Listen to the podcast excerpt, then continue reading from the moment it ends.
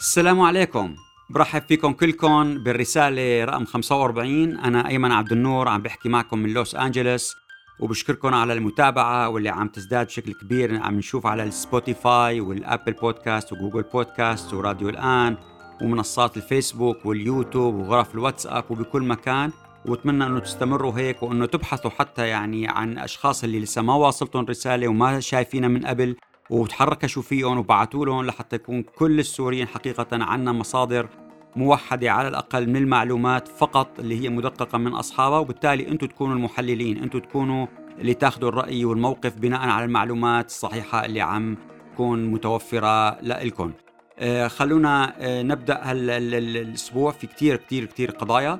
آه باختصار شديد في ناس قالت إنه ما جرى من مسرحية الانتخابات ممكن اختصارها صورة حقيقة اللي كانت هي لشارع الجلاء بمدينة دوما. الشارع اللي بينتهي بمجلس مدينة دوما الصورة فيها المجلس هيك مكسر ومهدم. أخذت الصورة عام 2013 واختار آه، بشار الأسد هذا الشارع لكي يذهب وينتخب فيه ويدلي بصوته وبالتالي كانت الرسالة أنه هذا هو باختصار الصوت الذي أدلى به أتى معبدا عبر دماء الشهداء السوريين اللي كانوا يبحثوا عن مستقبل أفضل لبلادهم ولسوريا ولا يورثوها لأولادهم بكل تأكيد الانتخابات الموقف من ما من النظام السوري من كل دول العالم ما بعد نتائج الانتخابات هو نفس الموقف كما قبله. والاتحاد الأوروبي أعلن موقف أيضا بعد نتائج صدور نتائج الانتخابات اللي هي يعني معروف كيف صارت ومين كيف واحد ختم عن عن الباقي وكيف عدد الأصوات أكثر من كل الناس الموجودين فيزيائيا داخل مناطق النظام واللي مؤيدين له في كل مناطق العالم. وبالتالي الاتحاد الأوروبي قال لن نعترف بنتائج الانتخابات السورية وهي لا تستجيب لمعايير التصويت الديمقراطي. هلأ في نقطة مهمة خلينا نحكي فيها. الرسائل كان له هدف حقيقة النظام من هي المسرحية. في ثلاث كتل رئيسية عم بيعمل لها خطاب. الكتلة الأولى اللي هي المجتمع الدولي عم بيقول لهم إنه عم تشوفوا هالناس رغم كل الفقر رغم إنه ما في مواد لا ما في زيت ما في سكر ما في شاي معاشاتهم ما بتكفي ما عندهم بنزين ما عندهم مازوت لحتى يدفوا ما عندهم كهرباء لحتى يشوفوا إنترنت ما عندهم مي. ومع هيك بينزلوا قادرين نحن ننزلهم إجباري عنهم يدبكوا ويرقصوا ويحتفلوا يشوفوا سيارات أولاد المسؤولين وسيارات جماعة شبيحة النظام اللي هي كلها من بورشي وبي إم ومرسيدسات بالشوارع كل واحد يحقق أكثر من 100 ألف دولار. ومع هيك ما حدا بيسترجي ينتقد وكل البنزين عم تصرف بنزين قد كل سيارات المواطنين السوريين. اذا هذا الرسالة. بدكم بدكم شيء من هدول المجموعة من الناس 9 ملايين ونص 10 ملايين شخص فاذا علاقتكم معي. بالنسبة للناس اللي داخل مناطق النظام لهاهم وأشغلهم عن المشاكل الاقتصادية وعدم توفر المواد الأساسية وإمعانا في الذل لهم لحتى الوصول للمرحلة الأخيرة اللي هي الاستسلام الكامل ومسح الدماغ الكامل. بمعنى عندما يأتي شخص ويرى صورة نفس الشخص والكل يطبل ويزمر والكل يرقص والكل يعتبره أنه هذا كأنه بمرتبة تأليه ويرى صورته ألف يوم وين ما فتر راسه بالجوا بالمكتب بالشغل بالمدرسة بالجامعة بمكان العمل بالوزارة بالشارع. بأي مكان معناتها بصير عنده إيمان داخلي إنه هذا صحيح وبالتالي أيضا هو عم بخدر جماعته. الكتلة الثالثة اللي هي خارج منطقة سيطرته بالتالي في بعض الأشخاص هنيك اللي ما عندهم الخبره السياسيه اللازمة أو المتابعة للأخبار الكافية بالتالي حقيقة صار معهم بشوية إحباط صار عندهم مضايقة وظنوا إنه هو فعلا كان في انتخابات وإنه هو فعلا كان في كأنه هو صار مضمون يبقى لسبع سنوات مقبلة هذا غير صحيح. رغم إنه هي الحقيقة اللي صار هو العكس تماما. أنتم بالذات أنتم اللي صامدين وأنتم اللي عملتوا أنتم اللي أثرتوا بحاضنة النظام وضربتوا له إياها بالصميم. صمود الناس اللي بدرعة اللي سكروا مراكز الانتخابات وحطوا الشعارات والساينات الكبيرة والآرمات والصور ضد ضد الانتخابات وضد هاي المسرحية. التظاهرات اللي صارت في مناطق المحرر البيانات اللي طلعت.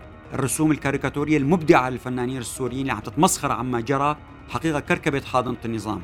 وهذا الشيء اللي هو حسه لأنه هو عنده الأمن مباشرة كل يوم بشكل يومي بيتابع إحساس وشو اللي عم بيصير داخل مناطقه عند الناس وبالتالي حس إنه في شيء ما يعني في عنده مشكلة وخاصة إنه إجت هال هالثورات وهالناس وما جرى بدرعا والمناطق المحرر بنفس فترة ما جرى بالقدس الشرقية واللي بثت روح الثورة عند الناس عنده ورفعت سقف التوقعات وصار بدهم كأنه شيء أكثر وإنه ليش هيك عم بيصير هنيك نحن ما عم بيصير عنا. وبالتالي كانت الاستشارات من مكتب الأمن القومي لبشار الأسد إنه يعمل ثورة مضادة. هالثورة المضادة نفس الطريقة اللي كان عاملها سابقا نحن كل معتادين على سماع على سماع تعابير مثل رئيس النظام هو العامل الأول الفلاح الأول هو الطبيب الأول هو المعلم الأول هو الجندي الأول هو المثقف الأول. حتى هو إنه المعارض الأول وهذا ما ما ما عم بتضحك عليكم. تسالوا قيادات المعارضة اللي كانوا وقت اللي عم بيحققوا معهم بأجهزة الأمن بيقول له انت على شو طالع تعارض ما الرئيس هو المعارض الأول هو عنده الأجندة الإصلاحية هو أجندة تطوير البلد. أنت شو تعارض مين؟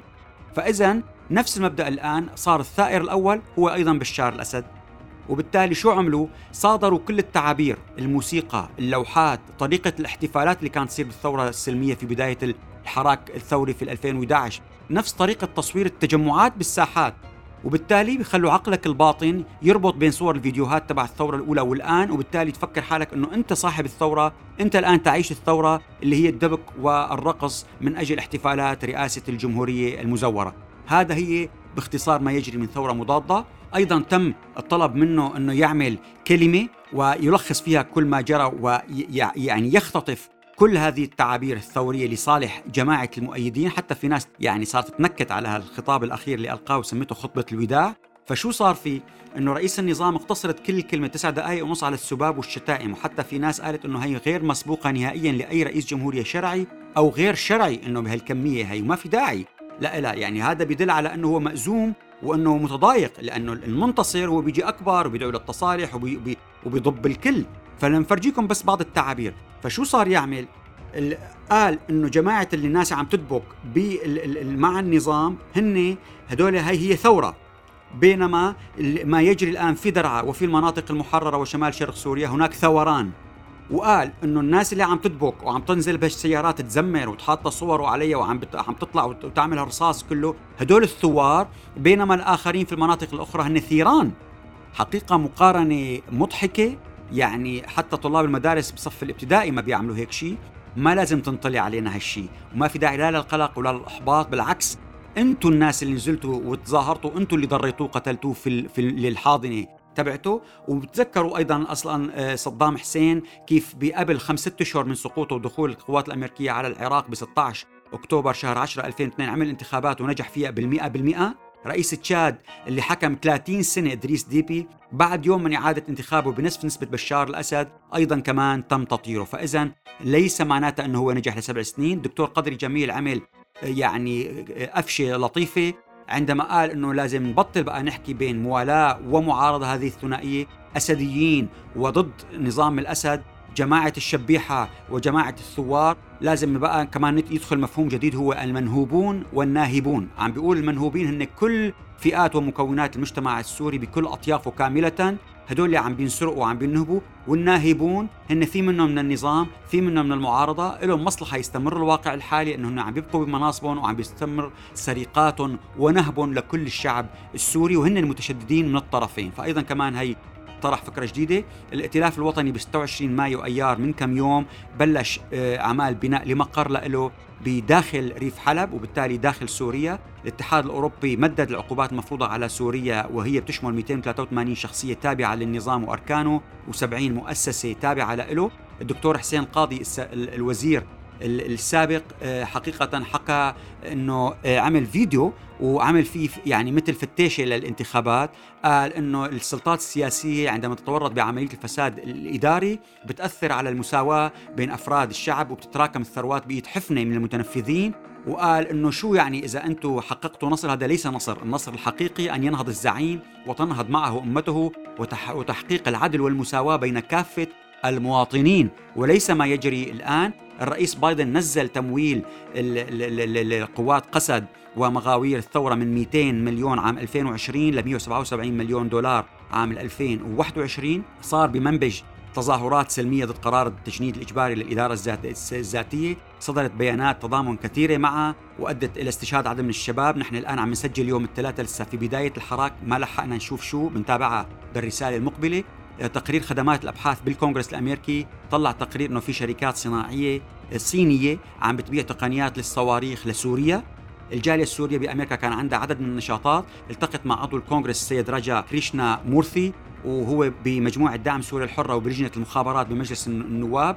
حقيقة صار في طرح صار في اقتراحات عليه اللي هو دعم قضية تعيين مبعوث خاص لسوريا دعم إنه إدارة الرئيس بايدن تضع بعض المتنفذين في سوريا من اللي عم بيهربوا وينتجوا الكبتاجون ويقتلوا الناس في السجون والمعتقلات في قائمة عقوبات جديدة.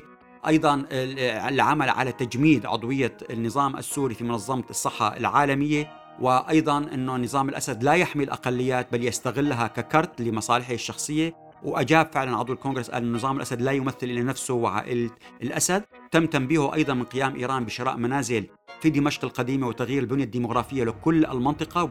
نجي للرئيس بايدن والرئيس بوتين اللي هي أهم حدث سوف يكون خلال أسبوعين. الرئيس بايدن رح يطلع على بريطانيا ب 11 حزيران يونيو. بعد كم يوم وبالتالي رح يلتقي هناك ويشارك بقمة الدول الصناعية السبعة الكبار.